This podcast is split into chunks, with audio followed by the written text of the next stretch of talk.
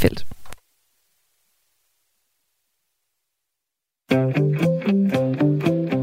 Du lytter til Ring til partierne på Radio 4 med Lasse Yde Hegnet. Ja, vi har nemlig skruet lidt på Ring til Radio 4 på den måde, at du stadig kan ringe til programmet, men lige for tiden der er det med politik i emnefeltet, og hver dag frem til valget, der kan du nemlig her i Ring til Radio 4 stille dit spørgsmål til et parti. De 14 partier, du kan stemme på til Folketingsvalget, de kommer nemlig på besøg et parti ad gangen. Og det betyder, at du kan udfordre, spørge og komme nærmere på partiernes mærkesager, og ikke mindst blive klogere på, hvad politikerne, politikerne vil gøre på de områder, der betyder noget for netop dig. Til slut der får partiet også mulighed for at stille et spørgsmål tilbage til jer vælgere, men mere om det senere. I dag skal det handle om Nye Borgerlige, og som repræsentant, der har vi folketingsmedlem Lars Bøje Mathisen. Velkommen til dig, Lars. Jamen, god formiddag. Den næste times tid, der kan øh, I stille spørgsmål til Nyborgerliges politik, og sidder du derude og brænder ind med et perspektiv, et spørgsmål eller et emne, som ligger dig på sinde, så kan du ringe ind på 72 30 44 44, eller skrive en sms til 14 24. Og øh, Lars, vi starter med et lytterspørgsmål, som vi har fået på Facebook i går. Det kommer fra Sara Lind, som øh, spørger, har Nyborgerlige en klimapolitik, som ikke handler om A-kraft? Ja, det har vi. Vil du fortælle om den? Ja, absolut. Det vil jeg hjertens gerne. Øh, det vi synes, og grund til, at vi ikke er med i den, øh, den store aftale med 70 procent, det er fordi, vi synes, det er en meget øh, nationalistisk øh, plan, og vi synes, den er snæverskuende. Øh, jeg tror ikke på, og vi tror ikke på Nye Borgerlige, at, at det, der kommer til at gøre den store forskel, det er, om man sætter en 13 kroners afgift på flyrejser, eller man sætter 20 kroner på oksekød. Det, man får ud af det, det er, at man reelt set bare gør øh, de fattige og fattigere. Øh, fordi dem, der har høje indkomster, de vil stadigvæk flyve. Øh, dem, der har høje indkomster, de vil stadigvæk købe oksekød. Så du kommer til at ramme den enlige mor, dem som øh, den arbejdsløse, og de andre ved at indføre de her afgifter. Og vi tror ikke på, at det kommer til at hjælpe noget, fordi CO2, og hvis det er det, man, man, man vil angribe med det her, det er det 70% målsætning, den går ud på. Det er en reduktion på 20 millioner tons af, af CO2. Øh, CO2 kender ikke landegrænser. Og, og vi mener, at man kunne få mere, altså kort sagt for at sige bang for the buck, hvis man kigger ud internationalt. Det er sådan, at, øh, at Energistyrelsen har faktisk hjulpet Kina på nogle områder. Men Lars, nu kommer vi væk fra det, I gerne vil. Nej, det er netop det, vi vil. Vi vil gerne bruge pengene mere smart. End, I Kina? End ved, ja, for eksempel ved at, at gøre det. Det, man har gjort derovre, øh, der har man fra den danske energistyrelse været over at hjælpe de, de kinesiske fjernvarmeværker. De har haft et stort problem med, at de har været meget, meget ineffektive. Det vil sige, at der har været en høj grad af spildvarme. Det vil sige, at de har fået strømmen ind, men de har ikke fået den videre ud. Det har øh, dansk, fordi vi er rigtig dygtige til jeg skal lige Forstå, jeg skal lige forstå, Lars, at det er danske penge, der skal bruges i Kina. Ja, det her det er et, et, et projekt, som man indtil videre har, har gjort, hvor man har hjulpet med at finansiere øh, noget, noget af det, og så bliver det jo partnerskab, hvor der så er danske virksomheder, der, så er der også en god business case i det. Men, men jeg lige går klar, hvorfor det er det vigtigt, fordi det er, det er ret store ting, man kan gøre. Det er alene, det ene projekt, som man har lavet derovre med, med fjernvarme, man har gjort det, det er mere effektivt. Det har sparet 21 millioner tons CO2. Og hvorfor er det tal så meget vigtigt? Det er fordi, at det er faktisk det samme, som hele den her 70% reduktionsmålsætning i Danmark, den er på de 70%, hvor man skal finde 20 millioner ton. Så vores største problem med den måde, man gør det på lige nu, det er, at vi synes, man gør det usmart. Og man gør det usmart ved at lægge alle æggene i en, en teknologi som, som vind. Fordi hvis du har 100 vindmøller, og vinden ikke blæser, så hjælper det ikke noget, du sætter 200 vindmøller op, fordi de kører stadigvæk ikke rundt, når du blæser. Det kan når godt være, om, blæser. Ja, ja, når vinden ikke blæser. Det kan godt være, om, om, om 10, 15, 20 år, vi har en teknologi, som kan oplære det her energi. Det håber jeg, vi får. Altså, jeg tror meget på, at det er den teknologiske løsning, som, som der skal bringe os videre i det her. Det er også derfor, vi vil gerne bruge mange flere penge på den frie forskning. Jeg vil gerne øh, vende tilbage til lige præcis det her med, at, som jeg hørte dig sige, at, at investere i udlandet i forhold til, til de her klimaløsninger. Jeg vil gerne bringe vores lytterpanel øh, i spil først, så øh, vi skal en tur til øh, Holbæk, hvor Tina Jacobsen bor med sin mand og to børn. Øh, den ene er en afklaret førstegangsvælger, og øh, Tina er selvstændig erhvervsdrivende. Tina, godmorgen og velkommen til. Hvad synes du om det, Lars Bøge Mathisen fortæller om sit partis klimapolitik? Mange tak. Jamen, øh, jeg synes, det lyder, det lyder meget fornuftigt. Øh, det gælder jo bare om, at man sætter ind med mange begge små, og, og, øh, og at, at, at, at, man, at man har fokus på tingene. Så jeg kan sagtens... Altså, jeg synes, det er fint, at man både gør noget herhjemme, men man må også gerne gøre noget ude i verden. Det er ingenting. Det er kun godt. Lars, hvad siger du til for du føler dig hørt? Kan jeg næsten se på dig? Ja, fordi at jeg, jeg er meget enig om, det handler om at gøre det, det smart. At, og, og vi skal selvfølgelig energirenovere vores, vores boliger, så vi, øh, vi bruger mindre energi for at opvarme. Det giver, det giver også mening. Og jeg synes, vi skal prøve at, at lave den grønne omstilling væk fra, fra kul og, og, fra, og fra biobrændsel, altså fra flis, som vi brænder af, altså simpelthen træ, vi brænder af, over til nogle andre øh, CO2-neutrale. Det synes jeg, det er jeg helt enig i. Det, jeg ikke synes, der er klogt at gøre, det er, at når man gerne vil lave den her omvending over for eksempel til, at folk skal bruge elbiler og det andet, at man så samtidig sætter afgifter på det. Altså, der er jo en grundlæggende økonomisk præmis, at hvis du sætter afgifter på noget, så får du mindre af det. Og derfor, derfor er det kontraproduktivt, at man fra, fra Christiansborgs side sætter afgifter på elbiler. At man har en elafgift. Det, man gerne vil have folk til, det skal man jo fjerne skatten på. Øh, og, og det gør man ikke. Man gør det modsatte. Og det er fordi, at, at man tænker også på, at man gerne vil have nogle penge til at give ud til vennerne, så man kan blive valgt igen ind på Folketinget. Og det vil sige, at man sætter altså nogle andre ting over øh, den her klimadagsorden. Det vil man så helst ikke sige til folk, men så er jeg jo så i studiet for, at jeg kan fortælle, hvordan det hænger sammen. Så øh, vil jeg gerne spørge, hvad hedder det, øh, den andet i lyttepanelet bringer dig ind. Øh, Ejgil Rasmussen øh, fra Saxil, 64 år pensionist og tidligere lærer på en øh, friskole. Godmorgen. Ejgil, øh, synes du, der er for mange afgifter på, øh, på øh, hvad hedder det, biler og elbiler? Ja, det har jeg svært ved at vurdere, men jeg, jeg kan huske, at jeg så et øh, regnskab fra nogle forskere i USA, som jo øh, fortalte øh, ret tydeligt, at det tager cirka 8 år, inden man rammer øh, et, et forbrug af CO2 i forhold til en sprit ny dieselbil. Altså, vi skal lige passe på, hvad det er, vi snakker om, når vi snakker el. Øh, det, det, og ja, vi har både en hybrid og en diesel, og vi kører aldrig i hybrid, hvis vi skal ret langt, fordi vores diesel går øh, 20 km på literen. Og øh, i bedste fald, der går sådan en hybrid 13-14 stykker. Så, så, så vi er slet ikke fremme. Jeg synes, det er rigtig godt set af Lars Bøje, at vi bruger pengene internationalt. Vi har været en del i Polen, og øh, der lugter vores tøj simpelthen af kul, når vi kommer hjem. Altså, det er jo, det er jo der, man vil i, i, fuldstændig i tråd med, med forskeren Lomborg, som jo også sagde, at øh, 1 million brugt i Danmark, det svarer til 10 millioner brugt i Polen. Så ja, internationalt. Inden vi fortsætter med øh, at dykke ned i Nye Borgerliges politik sammen med Lars Bøge Mathisen, så vil jeg lige hurtigt rise øh, den korte historie øh, om Nye Borgerlige op. Partiet blev stiftet af Pernille Vermund og Peter Seik Christensen i 2015. Partiet er blandt andet kendt for at ville løse udlændingepolitikken fra bunden, og ved valget i 2019, der fik Nye Borgerlige 2,4 procent af stemmerne og kom i Folketinget med fire mandater. Og ser vi på gårdsdagens meningsmåling fra Voxmeter, jamen, så står Nye Borgerlige til 3,9 procent af stemmerne, hvilket svarer til syv mandater. Så er et, altså et parti med fremgang. Og øh, lad mig lige kort præsentere vores øh, gæst, Lars, Lars Bøge Mathisen, folketingsmedlem for Nye Borgerlige siden 2019, medlem af Nye Borgerlige siden 2016. Før det var du medlem af Liberal Alliance. Og øh, det, du sad i byrådet i Aarhus Kommune, blandt andet for Liberal Alliance i et par år, og så for Nye Borgerlige øh, efterfølgende fra 14 til 18. Du er beskæftigelsesordfører, boligordfører, erhvervsordfører, finansordfører, frihedsordfører, kulturordfører, ligestillingsordfører, medieordfører, skatteordfører og sundhedsordfører. Mangler jeg noget i den?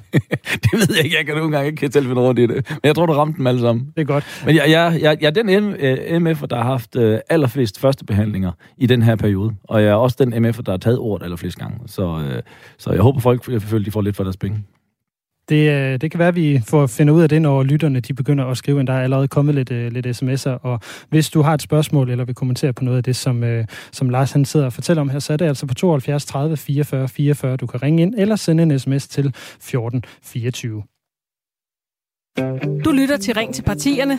Stil dit spørgsmål til dagens gæst på sms 1424, eller ring til partiet på 72 30 44 44. Vi har, øh, Lars, en øh, sms, der er kommet ind. Øh, nu er Danmarksdemokraterne kommet til, og jeg som vælger har svært ved at se en forskel på Nyborgerlige og på Danmarksdemokraterne. Kan du hjælpe mig med venlig hilsen, Jesper? Måske på nogle punkter, men det, det er også lidt svært for, for mig, fordi der er jo ikke rigtig meget politik, der bliver præsenteret fra Danmarksdemokraterne. Øh, Øh, jeg tror, øh, jeg var i studiet med Inger øh, og, og, og spurgte ind til netop nogle af de her ting, for at finde ud af, hvad, hvad, hvad mener hun på nogle steder. Og et helt grundlæggende punkt, der er forskel, det er, at hvis du kigger på kriminelle udlændinge, og, og seriekriminelle udlændinge, altså folk, der har begået kriminalitet grundlæggende gange, der har vi en politik i Nyborg, der siger, øh, udlændinge, der begår kriminalitet, altså det vil sige røveri, voldtægt eller vold eller drab eller sådan noget andet, de skal udvises konsekvent efter første dom. Uanset hvad forseelsen er. U- ja, ja, altså, altså hvis, hvis du får en, en, en ubetænkt dom, altså det vil sige altså, altså vold, røveri, voldtægt osv., og der er det, siger vi, der må dansk lovgivning altså gælde over øh, den kriminelles øh, rettigheder øh, eller noget andet. Der, der sætter vi altså øh, voldtægtsofferet, den kvinde, som bliver voldtaget, hendes retssikkerhed og hendes ret til at kunne leve i et trygt samfund, og ikke skulle se en udenlandsk voldtægtsforbryder komme ud i det danske samfund igen.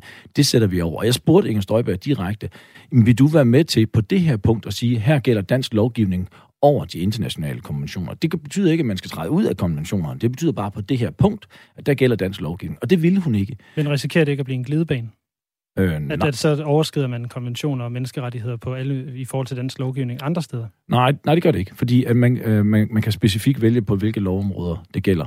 Og der synes jeg, der er en helt grundlæggende forskel på, øh, at vi insisterer altså på, at, at den kvinde, som har, har måske oplevet at blive voldtaget, hun skal ikke møde den her udlandske udlands, øh, eller, eller voldtægtsforbryder. De må tage hjem til deres eget land. Og der er der en, en, en fuldstændig forskel på... Jeg lige det. Du spørger det måske lidt, lidt, lidt dumt, men er det ikke lige slemt for en kvinde, der er blevet voldtaget, at se en, sin voldtægtsmand, uanset om han er udlænding eller dansker på gaden? Jo, men, øh, men forskellen er jo, at øh, udlændinge, de er jo statsborgere i et andet land. Og, og dem, som er danske statsborgere, de, de, de, men nogen, de, de, de er danskere, dem, så dem, dem, vi kan jo ikke ligesom øh, fratage danskerne deres statsborgerskab. Men nogle af de øh, udlændinge, som du taler om, er også nogle af dem, der, der risikerer at have dansk statsborgerskab undervejs. Nej, det er det ikke, fordi altså, enten er du, enten er du udlænder, eller så er du dansk statsborger. Du, du er ikke midt imellem. Så det er statsborgerskabet, I, I skældner ved? Ja, jamen, altså, det, er jo, det er jo det, som, som der er også mange, der har, der har misforstået, det er, at vi skulle have en eller anden øh, aversion mod bestemte typer af mennesker. Øh, vores, vores politik er fuldstændig neutral, og det er fuldstændig ligeglad om, og ligegyldigt, om du er, om du er franskmænd, om du er tysker, eller om du kommer fra Irak. Hvis du er udenlandsstatsborger, og du begår kriminalitet i Danmark, så har du misbrugt den gæstfrihed. Og lige sådan som jeg synes, det er rimeligt, at hvis jeg tog til Frankrig og kriminalitet i Frankrig, at, at Frankrig sagde til mig, ved du, så må du tage hjem til dit eget land. Og der er der en grundlæggende forskel mellem os og Danmarks Demokraterne. I er jo kendt i Nye Borgerlige for at øh, slår jeg hårdt op på udlændingepolitikken, som vi også kan, kan høre her. Men vil du ikke prøve at sætte lidt ord på jeres andre mærkesager, så vi kommer lidt mere rundt om jeres, øh, jeres andre politikker? Jo, det vil jeg gerne gerne. Men jeg, jeg, synes, jeg synes ikke, vi slår os hårdt op på det. Jeg synes grundlæggende, at det er ganske rimeligt. Jeg synes ikke, det, der er jo ikke, altså man skal huske på, en lang række partier har jo gået til valg på det her. Både i 11 og i 15 og 19. De har bare ikke leveret på det bagefter. Så der er jo ikke noget unormalt. Hvis du prøver at høre Socialdemokratiets retorik, Venstres retorik, Konservativs retorik, Liberale Alliances retorik, så vil de jo gerne bilde vælgerne ind, at de rent faktisk vil det her. Men når vi kommer ind i folketingssalen, og jeg har det sådan grundlæggende, at politikerne skal bedømmes på, hvad de gør ind i salen, og ikke hvad de siger, reelt set, det er deres handlinger. Og der stemmer de altså imod at udvise dem her. Men jeg vil gerne snakke om lang række andre øh, områder, det vil jeg med hjertens gerne. Ja. Vi har en, en økonomisk politik, som er, er måske mere relevant end nogensinde, som giver en øh, gennemsnitlig børnefamilie et sted mellem 5 og 6.000 mere i lommen netto efter skat hver måned. Øh, og det er i hvert fald noget, der er vigtigt lige nu, øh, fordi det vil, det vil betyde en forskel for folk, der kan betale deres regninger. Hvordan vil I komme hen til, at folk de kan få 6-7.000 mere i lommen om måneden? Grundlæggende så gør vi det på, på indkomstskatten, at vi siger, at de første 7.500, du tjener hver måned, de er skattefri. Derefter betaler du en flad skat på 37 procent, og ikke noget arbejdsmarkedsbidrag, og ikke noget øh, topskat. Så fjerner vi en lang, lang række afgifter, registreringsafgiften, elafgiften, benzinafgiften, dieselafgiften, noget på vand osv. Og på den måde, så genererer man så, at folk får det her beløb, øh, hvad de har i netto i lommen hver måned. Og så er det spørgsmålet selvfølgelig, nå, men hvordan vi så finansierer det her? Det er sjovt, det er, jeg, kunne se, jeg skulle tro, du havde læst mit, læst mit manuskript. Jamen, jeg kunne se det i dine øjne, og det er, det, og det er jo ikke første gang, jeg får det spørgsmål. Øh, og, og det gør vi simpelthen ved, at vi siger, at hvis politikerne i år har 100 kroner at gøre godt med, så har de så næste år 99 kroner og 40 øre at gøre godt med, hvis man sådan regner det op med, med, med en størrelseordning. Og der siger vi så, okay, det er det, er det der svarer til 0,6 procent.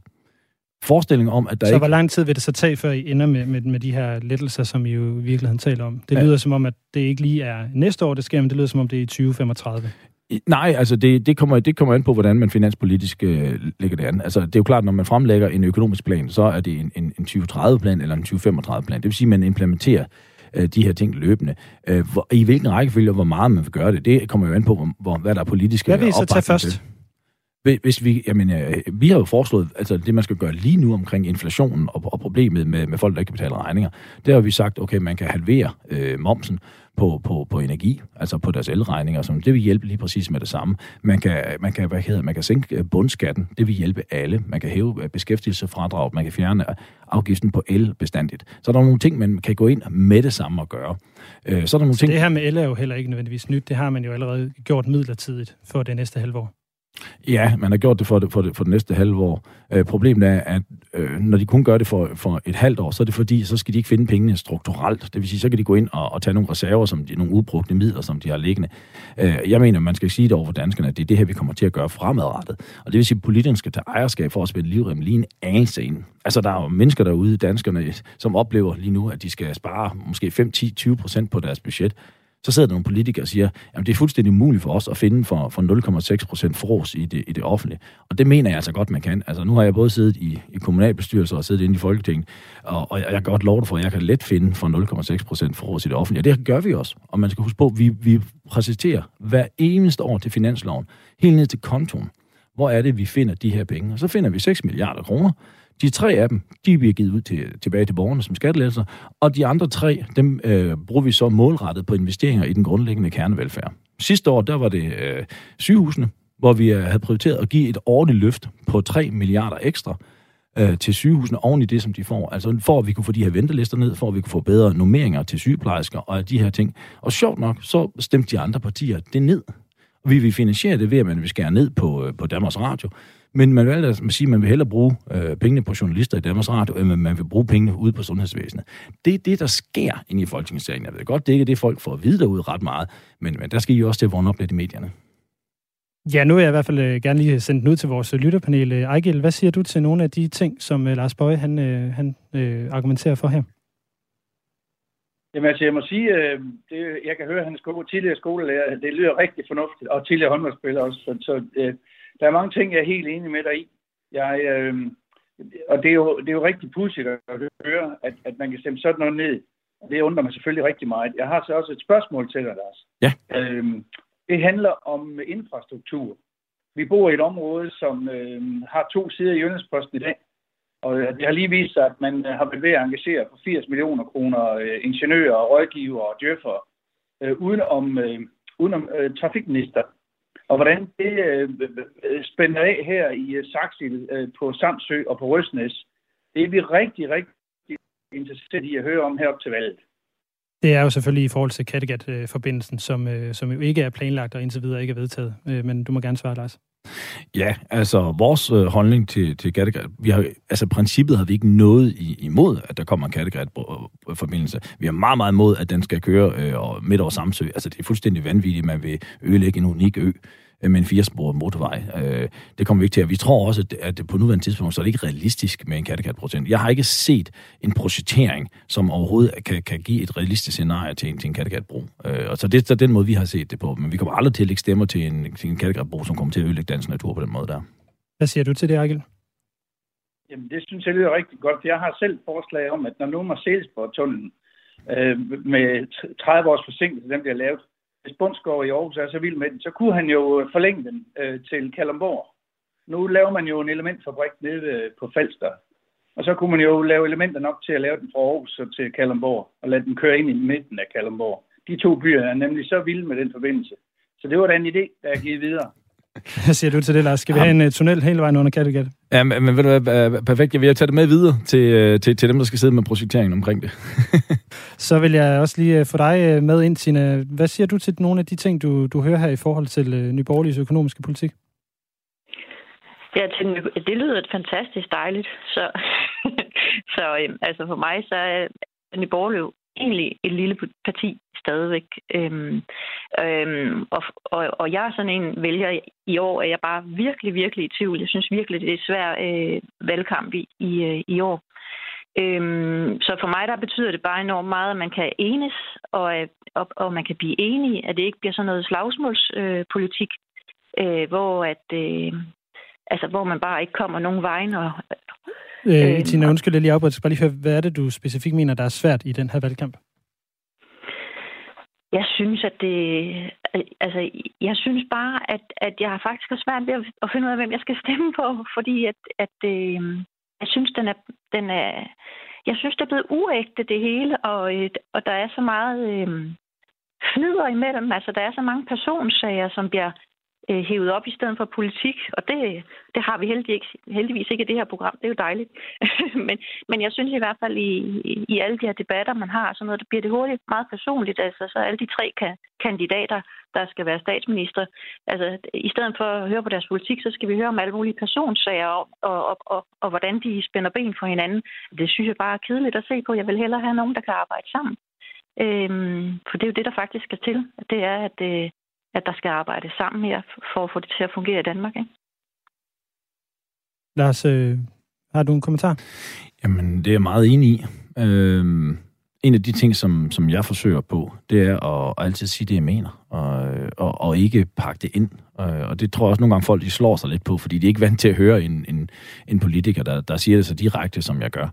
Øh, og så holder jeg mig fuldstændig ude fra, fra de her øh, personsager. Altså, det er jo ofte, at øh, de her formiddagsaviser, Ekstrabladet eller BT, de ringer til en, hvis de har en eller anden dårlig personsag, og så vil de have nogen til at kommunikere på det, øh, og, og sige, at det er også for dårligt og sådan noget. ting. Og det er meget, meget, meget let øh, at falde i den grøft, fordi hvis man ikke er en af, af toppolitikerne, som ofte er i medierne, så får man meget, måske meget få muligheder for at komme i medierne. Og så er der mange, der har tendens, ah, uh, nu kan jeg nu nogen, der vil snakke med mig. Det ved journalisterne godt, det er derfor, de ringer til de folk. Men der går jeg mig altså meget, meget ud med, at de vil simpelthen ikke øh, gå med til os. Så jeg siger, så må I ringe til en anden. Men øh, hvis vi nu, und, und, undskyld til, at jeg lige tager den her, men øh, jeg kunne godt tænke mig lige at spørge, øh, Lars, øh, hvem er det så, I kan samarbejde med? Jamen, altså, man skal huske på, at vi, vi samarbejder med rigtig mange. Altså, hvis man kigger på, på under coronahåndtering, 7 ud af 10 aftaler øh, var vi med i. Jeg tror, vi har stemt for omkring 60 procent af de love, som er, er blevet fastslået. Vi er det parti, der stemmer mindst med de andre, men det er også fordi, vi er borgerlige partier, og, og man deler sig jo efter anskuelse. Så det er klart, hvis den politik, der, der bliver ført, er en politik, der bliver ført fra Socialdemokratiet og længere ud til venstre, så vil det være ting, vi er uenige med, men, men vi sidder jo med til forhandlingerne. Altså, hvis jeg bare skal kigge på nogen, vi var med i retsforliget, vi har været lige med i den store landbrugsaftale, hvor vi alle sammen blev enige om, så der er en lang række aftaler. Øh, jeg har været med til erhvervsudviklingsaftaler, øh, en del af dem også, og skat, på skat har vi været med til at rette op på det danske skattesystem osv. Så, så, så vi indgår i det daglige arbejde i, i en lang række for lige aftaler derovre. Tina, jeg afbryder dig. Du må meget gerne komme med din kommentar. Jamen, det, det er simpelthen ikke så... Det var, det var simpelthen ikke så meget. Jeg, jeg har selvfølgelig taget en kandidattest, og jeg kan godt se, at jeg er 67 procent enig med jer. Så, så på den måde er det jo meget godt. Øh. Det, det synes jeg, det er ikke så dårligt. Jeg, jeg, jeg har også for sjov prøvet at tage sådan en, og jeg var heller ikke helt enig med mig selv. Det er lidt sjovt, de der kandidatteste der. Så jeg var heller ikke 100% enig med mig selv. Så jeg ved ikke, hvordan de algoritmer, de, øh, de, de fungerer i det der. Jeg tror, man, man, øh, man skal tage dem lidt, altså de er fine nok og sjov nok at tage, men jeg tror, det er også vigtigt, at man sætter sig ned. Og jeg vil anbefale, og det er lige meget, hvilket parti man stemmer på, men man går ind på partiernes hjemmeside, hvor man rent faktisk kan læse lidt mere i bund på, hvad det er, partierne de mener. Så det er ikke bare one-liners. Hvis du derude også har et spørgsmål eller en kommentar, eller noget, du gerne vil spørge øh, Lars Bøge Mathisen om, så husk, at du kan ringe ind på 72 30 44 44, eller du kan sende en sms ind med et spørgsmål til 14 øh, 24. Det, øh, det har Lars Madsen gjort. Øh, han spørger, øh, Lars Bøge, I vil fjerne Arne-pensionen og efterløn. Øh, jeg savner jo ikke den øh, gren, jeg ser jo ikke den gren over, jeg selv sidder på. Øh, der er ikke arbejde til folk over 60 år. Hvad siger du til, til det? Mm, øh, øh den faktuelle ting, vi vil ikke, øh, vi vil ikke fjerne Arne-pensionen. Øh, så, så bare lige så vi har, vi har styr på det. Øh, jeg forstår godt, fordi det er det, som man har fået at vide med, at Frederiksen står og siger, at de vil, men det er, det er ikke det, der er, er, er virkeligheden derovre. Og hvis der kommer blot, øh, blot flertal, så bliver Arne-pensionen heller ikke fjernet. Den, den er der. Omkring Arne-pensionen. Jeg var enig i diagnosen, men jeg var ikke enig i behandlingen. Øh, jeg er fuldstændig enig om, at der er et problem med folk, som er nedslidte der. Jeg har problem, der er et problem med folk, der falder igennem de her stole i det offentlige. Det man så desværre gjorde, det var, at man lavede en ordning, som på intet område har et par, en præmis eller parameter, der handler om nedslidning. Det er alene et spørgsmål om angstinitet på arbejdsmarkedet. Og der synes jeg, at man missede en unik mulighed for at rent faktisk at gøre noget for det folk, der var nedslidte. For der er jo også øh, 59-årige, der er nedslidte, også 55-årige, der er nedslidte. Og der vil jeg meget gerne hellere have, at man, man kiggede på de ordninger, som man allerede har, og forbedre dem, i stedet for at indføre endnu en ordning, hvor vi kan se, at en stor del, ja faktisk lige nu er det en, et flertal af dem, der kommer over på Arne-pension, det er folk, som kommer fra efterlønsordning. Det vil sige, at de er allerede på en ordning, men de hopper over på en anden ordning. Det vi så siger, det er, at når vi så har Arne-pension, og den bliver fast, så er der ingen grund til at have endnu en ekstra ordning med efterløn. Og vi har står mange arbejdskræfter, så skal vi jo ikke trække raske mennesker ud af arbejdsmarkedet. Men man mister ikke sin efterløn, skal jeg lige huske at sige. Vi taler mere om nyborgerligs politik her på den anden side af et, øh, et nyhedsoverblik. Husk, at du derude også kan komme ind med dit spørgsmål, hvis du ringer på 72 30 44 44, eller sender en sms til 14 24. Vi taler altså videre med Lars Bøge Mathisen om nyborgerligs politik lige på den anden side af nyhederne her på Radio 4.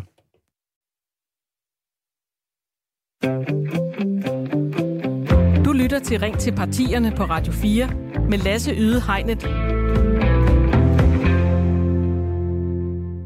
Hver dag frem til valget, der har vi et nyt parti med i studiet, som du kan blive klogere på. Mit navn er Lasse Udhand, og velkommen tilbage til Ring til partierne på Radio 4.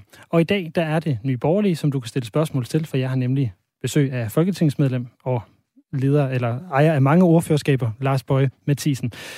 Indtil nu har vi talt lidt om jeres økonomiske politik, vi har talt lidt om jeres øh, klimapolitik, hvor I blandt andet vil løse noget af klimapolitikken ved at investere mere i udlandet, for det er der, I mener, der er den største gevinst at hente på CO2-regnskabet.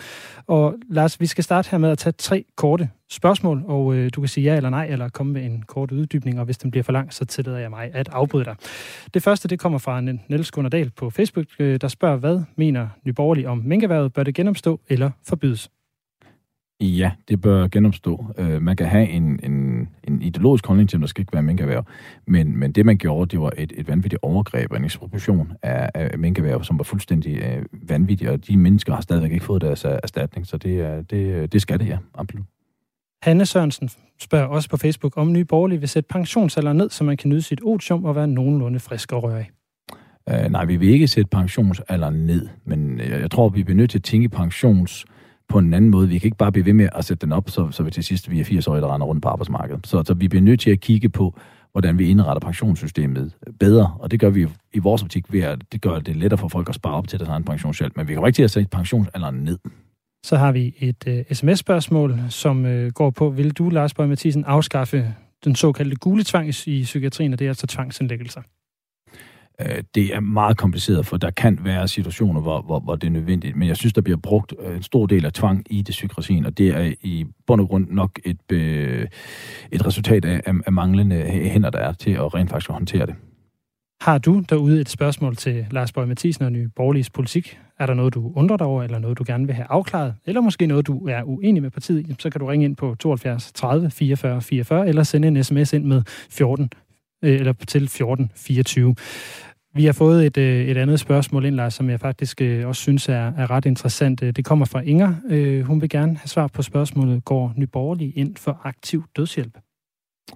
Øhm, jeg tror faktisk ikke, at det er et spørgsmål, vi har haft oppe sådan på gruppeplan, som, som vi har taget stilling til som parti.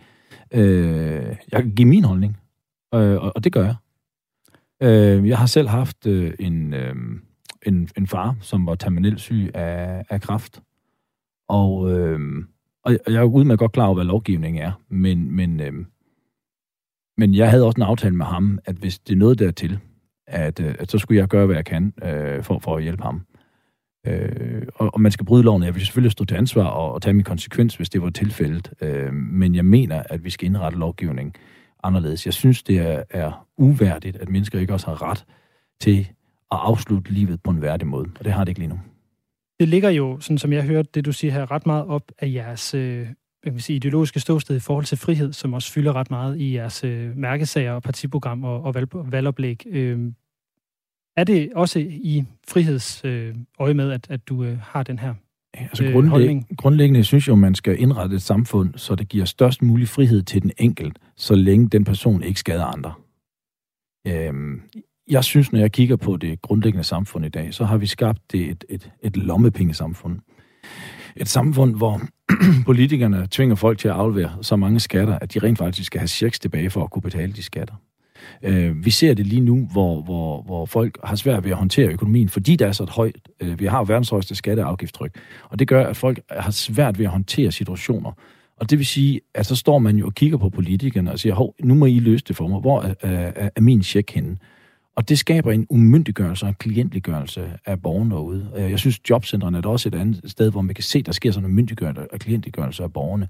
Og det bryder jeg mig ikke om. Jeg tror på, at, at, at danskerne kan mere, end hvad politikerne giver dem lov på. Jeg bryder mig ikke om, øh, hvis man sådan kigger på, på samfundet, det, og jeg siger nogle gange, det der livs landevej, er blevet så smal, at, at, at hvis du bare træder lidt udenfor, altså hvis du i folkeskolen har, har ikke passer ind i den der gængse måde, som du skal være en lille, der er, er akademisk god og alt muligt andet, jamen så er der ikke plads til dig.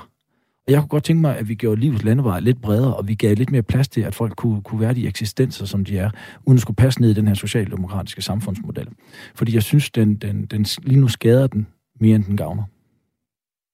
I har jo været lidt i vælten her på det seneste med nogle af de her frihedsrettigheder, kan man sige. Altså friheden til at vælge, øh, det er jo særligt hjemmehjælper til, øh, til og fra. Øh, vil du uddybe, hvad det er, I, I mener på, på det plan?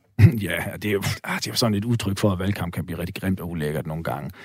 Øh, jeg tror, det er Palle Dragsted, som simpelthen øh, øh skriver noget, som er fuldstændig faktuelt ukorrekt, og så Berlingske skal tåbelige, og så, og så skriver de det. Altså, hvis man rent faktisk hører den radioudsendelse, så, så det, som vores ordfører siger, hun siger, at, at grundlæggende som loven er nu, så har den ældre jo en ret til at sige nej til en person. Og den ældre skal ikke argumentere for, hvorfor den, den ældre vil sige nej. Og der siger vores, øh, vores ordfører så, at, at det handler jo om, om den ældres tryghed. Og så spørger øh, journalisten så, jamen, og man, man spørger så med nogle forskellige ting. Okay, kan det så være det her? Kan det være det her? Kan det være det her? Og så siger journalisten så, kan det så også være en, en, en homoseksuel eller en jøde? Og så svarer vores ordfører så, og siger, jamen, siger mere overordnet set, så har man jo en principiel ret til at kunne afvise folk uden at, at kunne give en grund, og det handler om borgerens tryghed. Og det bliver så i valgkampen lavet om til, at, at man har udvalgt bestemte grupper, og de kan så ikke være hjemmehjælper og sådan noget. Det er noget vrøvl, og det er valgkamp, når det er, øh, når det er værst. Altså, øh, så, men, sådan, I, men I synes, man skal have lov til at vælge en, øh, en hjemmehjælper fra, hvis, hvis man er utryg men, øh, men, den, men, men det, det spørgsmål kunne du øh, sige til, til alle de partier, som sidder i Folketinget i dag. Fordi ja, men nu det spørger den, jeg dig. Ja, ja, altså vi synes jo, den lovgivning, som der er nu, at den skal bevares. Det, man snakker om, det er, hvis man fratager den ældre ret til at sige nej til en person sit, til sit hjem, det nej kan så have konsekvenser. For det kan jo være, at kommunen siger, så kan vi ikke levere en service til dig. Vi har ikke andre til dig. Og så må den, så må den ældre jo tage konsekvensen af sit valg. Men, men, men hvis man laver om på den nuværende lovgivning og fratager en ældre retten til at kunne sige nej til en person, der kommer ind i sit private hjem, så synes jeg virkelig, vi er på et skridt øh, over for det samfund, som jeg ønsker, at vi, vi skal have. Men, men det hører jeg heller ikke nogen partier, der, der siger, altså selv altså Socialdemokratiet, SF, Enhedslisten, selv dem, der går ud nu, jeg hører ikke, at de siger, at de vil fratage den ældre den ret, som hun rent faktisk har nu.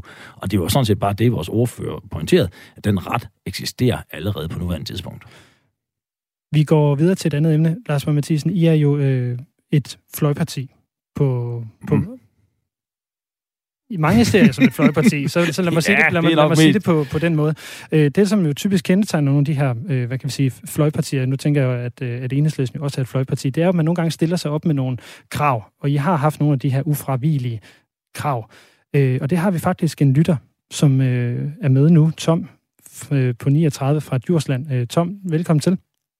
Mange tak skal du have. Vil du ikke øh, stille et spørgsmål til Lars omkring de her ufravigelige krav? Jo, det vil jeg. Øh, først og fremmest så vil jeg gerne lige have lov til at sige tusind tak til Lars Borg Mathisen for indsatsen og for at være vagthund i Folketinget. Det er der virkelig brug for. Øh, men mit spørgsmål og min bekymring, fordi jeg er egentlig ikke i tvivl om, at jeg gerne vil stemme på nye borgerlige, men øh, jeg kan godt være bekymret for, om det ender med at være mandatspil, hvis man allerede i forvejen er kravlet op i et træ, som man kalder det, i forhold til de her ufravigelige krav. Øh, jeg er lidt i tvivl om, om det overhovedet er muligt for eksempelvis Søren Pape at indfri dem, selvom han måske gerne vil. Vil det kunne lade sig gøre? Ja, og tak for spørgsmålet, og, og, og tak for tilliden. Øh, det kan godt sagtens lade sig gøre. Øh, og, og Jacob Ellemann sagde det faktisk, mm, han var faktisk i, jeg tror det er aftenshow i går, og siger, jamen han tror faktisk også sagtens, at det her det kan lade sig gøre. Rent juridisk og lovmæssigt kan det sagtens. Så det handler bare om, om politisk vilje. Øh, og, og der kan man sige, at alle partier har en eller anden rød linje. Øh, Venstre har også en, det der skattestop.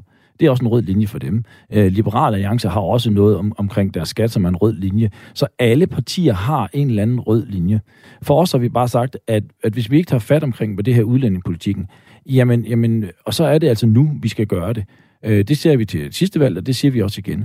Vi har igennem de sidste tre år haft rigtig, rigtig mange gode samtaler, både med øh, Jakob Ellemann og Søren Pape, og det ved jeg godt, det kommer ikke så tit i medierne, men vi har brugt rigtig lang tid på at både forklare og opsætte scenarier om, hvordan det her det kan lade sig gøre inden for nuværende dansk lovgivning, så man ikke behøves at træde ud af, af konventionerne, fordi vi kommer ikke til at stå i en situation, hvor vi kan overtale Venstre og Konservative til at træde ud af konventionerne.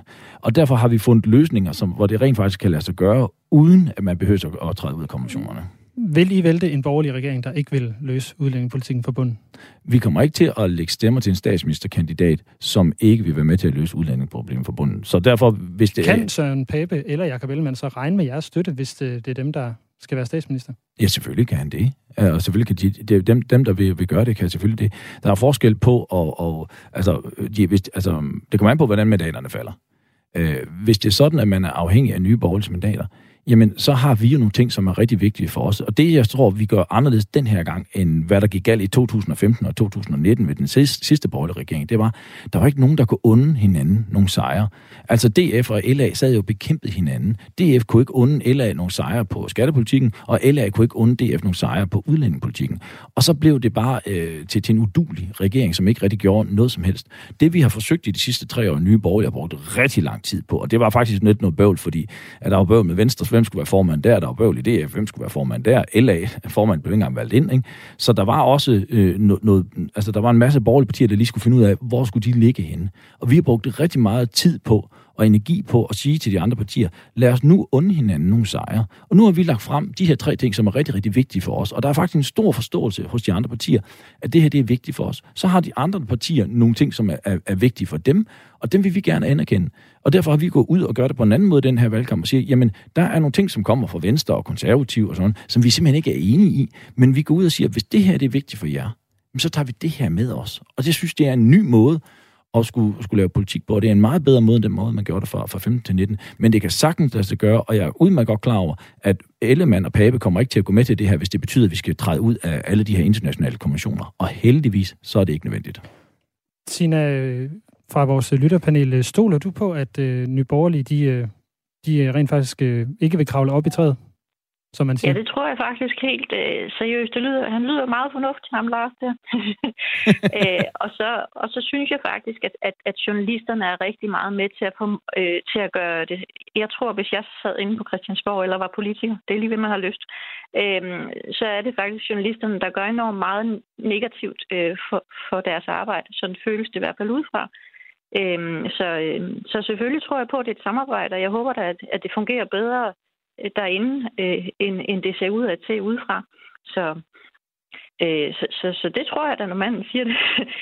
Øh, jeg kunne så godt tænke mig at spørge om nogle ting med, med noget sundhed og sådan noget. Øh, ja, hjertens gerne. Hvis det var rigtigt. Jeg kunne rigtig godt tænke mig at, at få at vide, hvorfor I synes, at sygeplejerskerne skal have mere i løn. Vil du tage den kort, Lars?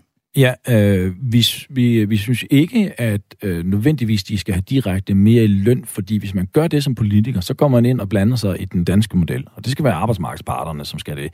Det vi siger, det er, at vi vil gerne have, at sygeplejerskerne skal have mere ud af at gå på arbejde. Altså det vil sige, at de har mere tilbage i lønningsposen, når skatten er blevet betalt. Og det er jo derfor, vi har den økonomiske politik, som vi har.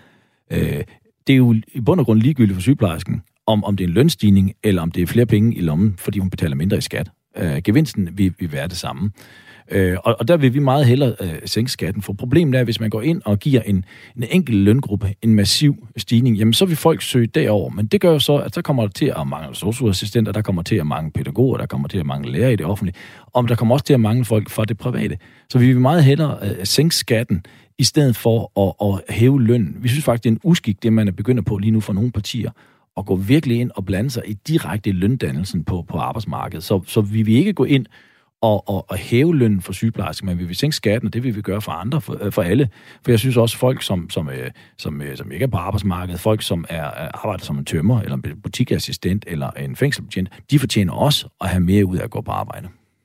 Så øh, Ejgil øh, fra lytterpanelet, hvad tænker du om det, ja. Lars Bøje han siger i forhold til, øh, at det er bedre at sænke skatten, end det er at hæve lønnen? Jamen, jeg kan ikke, øh, jeg kan, jeg kan ikke helt gennemskue det, øh, men, men ideen er jo ikke helt tosset, fordi det der, som Lars siger med, at, at staten krasser ind, og så sender de ud bagefter, det, det øh, kræver jo flere djøffer og flere kontoransatte, så, så ideen er principielt rigtig.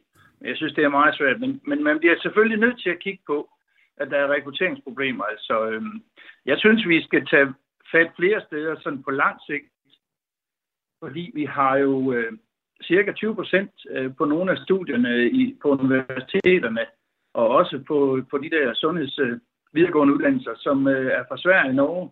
Og det er jo ingen hemmelighed, at de får en uddannelse til en lille million her, og så tager de tilbage og, og, og tjener kassen. Kunne man ikke forestille sig, at man indførte sådan en værnepligt for udlændinge, som har taget en uddannelse gratis i Danmark, så havde vi jo måske ikke så store udfordringer med hensyn til at rekruttere folk, hvis for eksempel psykologer skal jeg passe på, fordi det, det, øh, nogle af dem er tæt på mig. Men, men hvis man forestillede sig, at de havde en treårs værnepligt efter endt uddannelse, øh, som er 5, 6 eller 7 år, så havde vi jo lige pludselig en arbejdskraft til rådighed, i stedet fordi der er tilbage til Lofoten og får 150.000 om måneden.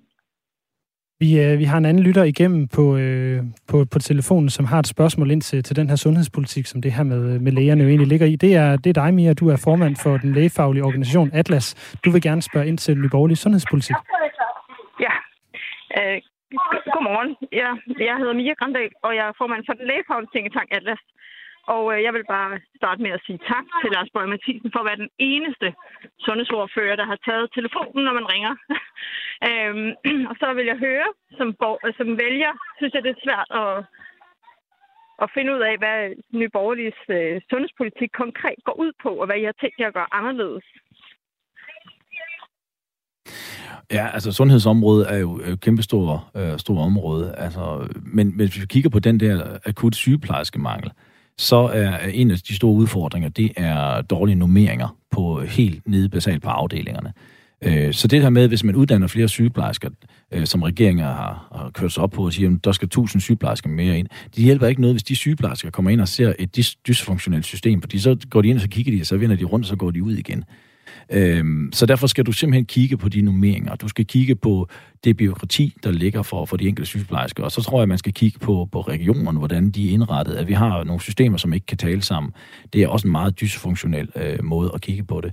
Så der er så nogle lang række ting. Vi kan, der skal laves nogle ting opfra, øh, opfra og ned.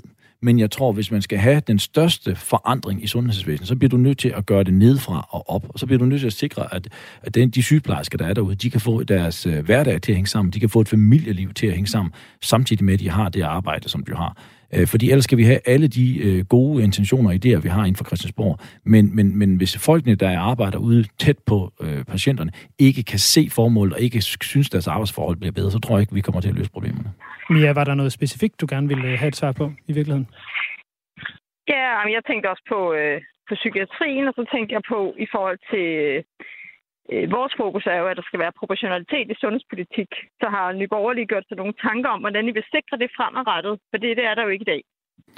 Nej, jeg, jeg er enig med det med psykiatrien, og jeg synes, den, den, den, det var ikke rigtig en plan, der kom. Øh, det, det var bare sådan nogle hensigtserklæringer, der næsten der kom med den her psykiatri. Øh, det var ikke en reel plan.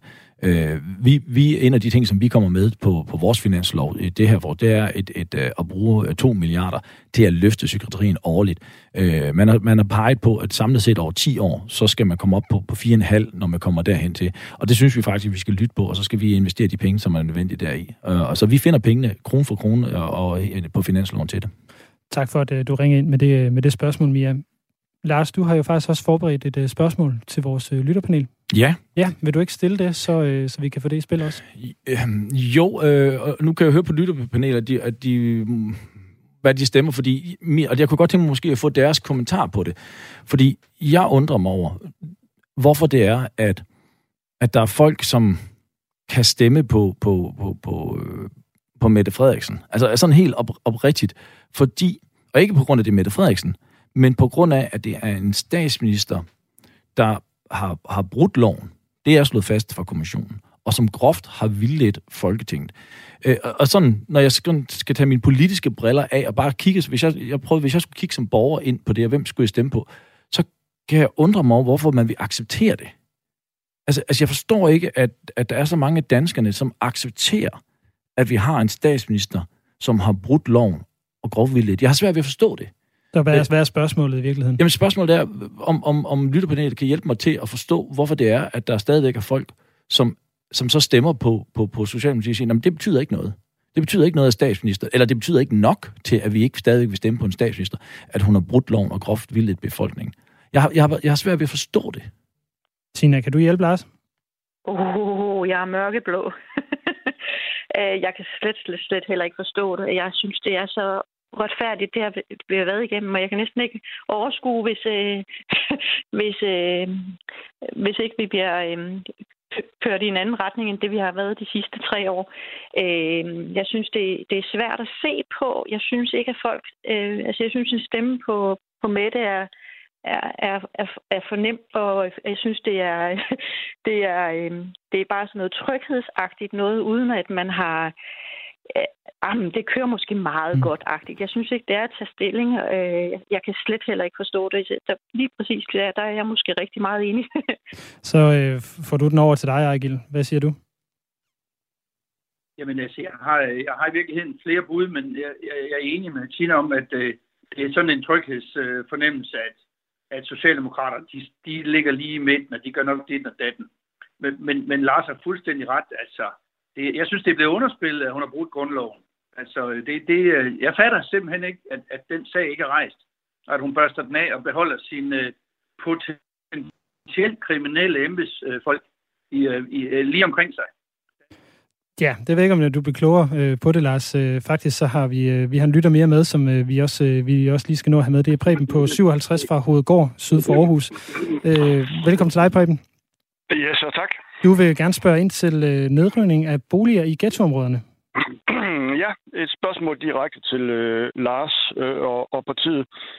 Øh, hvordan øh, nye borgerlige stiller sig til de her ghettopakker, hvor man, øh, hvor man river boliger ned, velfungerende øh, boliger, øh, river man ned, og så opfører man øh, måske et lidt liberalt erhverv, og så beboerne i de her ghettoer flytter man så rundt omkring.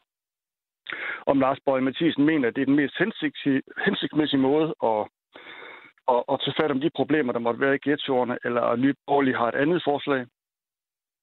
Øhm, det er faktisk et af de områder, hvor, hvor vi ikke er enige med de andre blå partier. Altså, øh, vi er ikke enige i den, øh, i den der ghettopakke, som man har lavet. Jeg synes grundlæggende, at det er et brud på borgernes øh, frihed, at man, hvis for, for eksempel du er på over, overførselsindkomst, jamen så kan staten bestemme, at så er der bestemte steder, du ikke må bo. Det synes jeg er et overgreb, øh, og, og vi er ikke enige i den. Øh, vi vil jo løse udlændingeproblemet fra bunden. Det vil sige, at, at vi mener, at overførselsindkomster kun skal være for danske statsborgere. Hvis du begår kriminalitet, jamen så skal du, så skal du udvise konsekvens. Det er de ting, som vi reelt set vil rykke noget ved de problemer og, og kæmpe sociale problemer, som, som vi har i de her områder. Men det her med, at staten går ind og bestemmer, hvor du må bo henne, og hvordan du skal bo på, på de her måder, det bryder jeg mig ikke om. Har du en øh, kommentar til, Preben? Nej, det, det lyder som et, et, et fint liberalt øh, standpunkt øh, at have. Men det faktum, det er jo, at øh, det sker overalt i samtlige ghettoer i, i, i Danmark. Øh, dem, der så bliver kategoriseret som ghettoer. Øh, Gellerup-parken har lige stået for tur i, øh, i Aarhus, hvor der er blevet nedrevet, jeg tror, det er omkring otte boligblokke. Bispehaven står for tur øh, rundt omkring, og det gør der givetvis også i de andre store byer i Danmark. Jamen, det, altså, det, det er fuldstændig korrekt. Øh, jeg tror, man skal tage fat på nogle, nogle helt andre øh, områder. Grunden til, at den integration, vi har haft, er slået fejl, det er, at man jo ikke sat nogle krav til de mennesker, der er kommet. Øh, jeg har selv arbejdet i undervisningssektoren, og der var det jo sådan set bare succeskrav for nogle af de mennesker, at de kom. Ikke at de lærte noget, og ikke at man satte nogle krav til dem. Øh, og det er jo en af de største fadæser, man har lavet i dansk integrationspolitik. Og så er det også, at man skal huske på, at det er jo politikerne, der har bestemt, at de her mennesker de skal bo de her steder i de første tre år. Der har de jo ikke selv kunne vælge frit, hvor de vil bo. Så ansvaret ligger for politikerne. Men jeg tror, at det er sådan nogle lappeløsninger, fordi man ikke er villig til at tage fat der, som rent faktisk kunne, kunne lave nogle ændringer i samfundet. Og så påfører man alle de her øh, lappeløsninger. Altså jeg synes jo ikke, at det, man har lavet 144 stramninger under den sidste regering, at det, det er en succes. Altså jeg ser, jeg ser det så, fordi man har ikke løst problemerne. Jeg ser det som en fiasko, ikke som en succes. Vi har fået en, øh, endnu en sms ind, og jo tusind tak til dig, Preben, for at du ringede ind med, med det her spørgsmål. Vi har fået en anden sms ind. Øh, det er øh, en sms, som, øh, som spørger, kan man leve for 6.000 kroner om måneden til mad og husleje? Det er, hvad øh, I mener, en arbejdsløs kontanthjælpsmodtager vil få med jeres politik. Spørgsmålet er så, er det et værdigt sikkerhedsnet?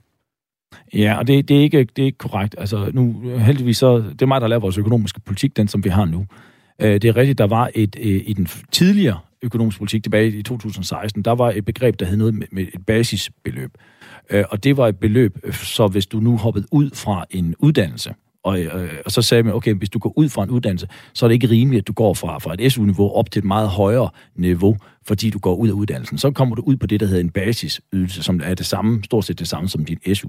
Og det er der, det kommer fra. Øh, da jeg gik ind og lavede den nye økonomiske politik, sagde vi så, sagde jeg så, at det, det, det duer ikke at have det der basis, fordi for det første så er det blevet misforstået, når rigtig mange folk troede, at det handlede for, omhandlede for en lang række andre mennesker, som ikke var tilfældet. Og derfor sagde jeg, okay, vi, vi gør det, at vi laver ydelsesniveau, så det passer til den her ydelseskommission, som har sagt, hvad er det, der er et, et, et eksistensberettiget grundlag. Der er nogle fagfolk, der har brugt rigtig lang tid til at kigge på det. Jeg synes faktisk, at vi som politikere, når vi nedsætter de her kommissioner og de her ekspertgrupper, som kommer med de her råd, så skal vi jo begynde at lytte til dem. Alt, altså prøv at vi bruger millioner på de her rapporter, og så øh, dagen efter, så fejrer politikerne dem bare af siden. Så enten skal man ikke lave dem, og ellers skal man begynde Men er at lytte det, til er det, er det så værdigt eller ej? Det er jo ligesom det, der var spørgsmålet. Øh, i- jamen, hvis, hvis det var sådan, at man, man, det var en præmis for, og det er jo ikke en politik, som vi har, så, så jeg vil hjertens gerne stå til mål på den politik, som vi har, men jeg kan ikke sidde og forsvare en politik, som vi ikke har. Så der er ikke noget svar på, om det var værdigt eller ej i det. Nå, jo, altså, og jeg synes, hvis du, hvis du går ud fra et studie, og du afbryder dit studie, hvor du har levet på SU, og du så går ud derefter på en ydelse, som svarer til din SU-ydelse, det synes jeg var rimeligt nok.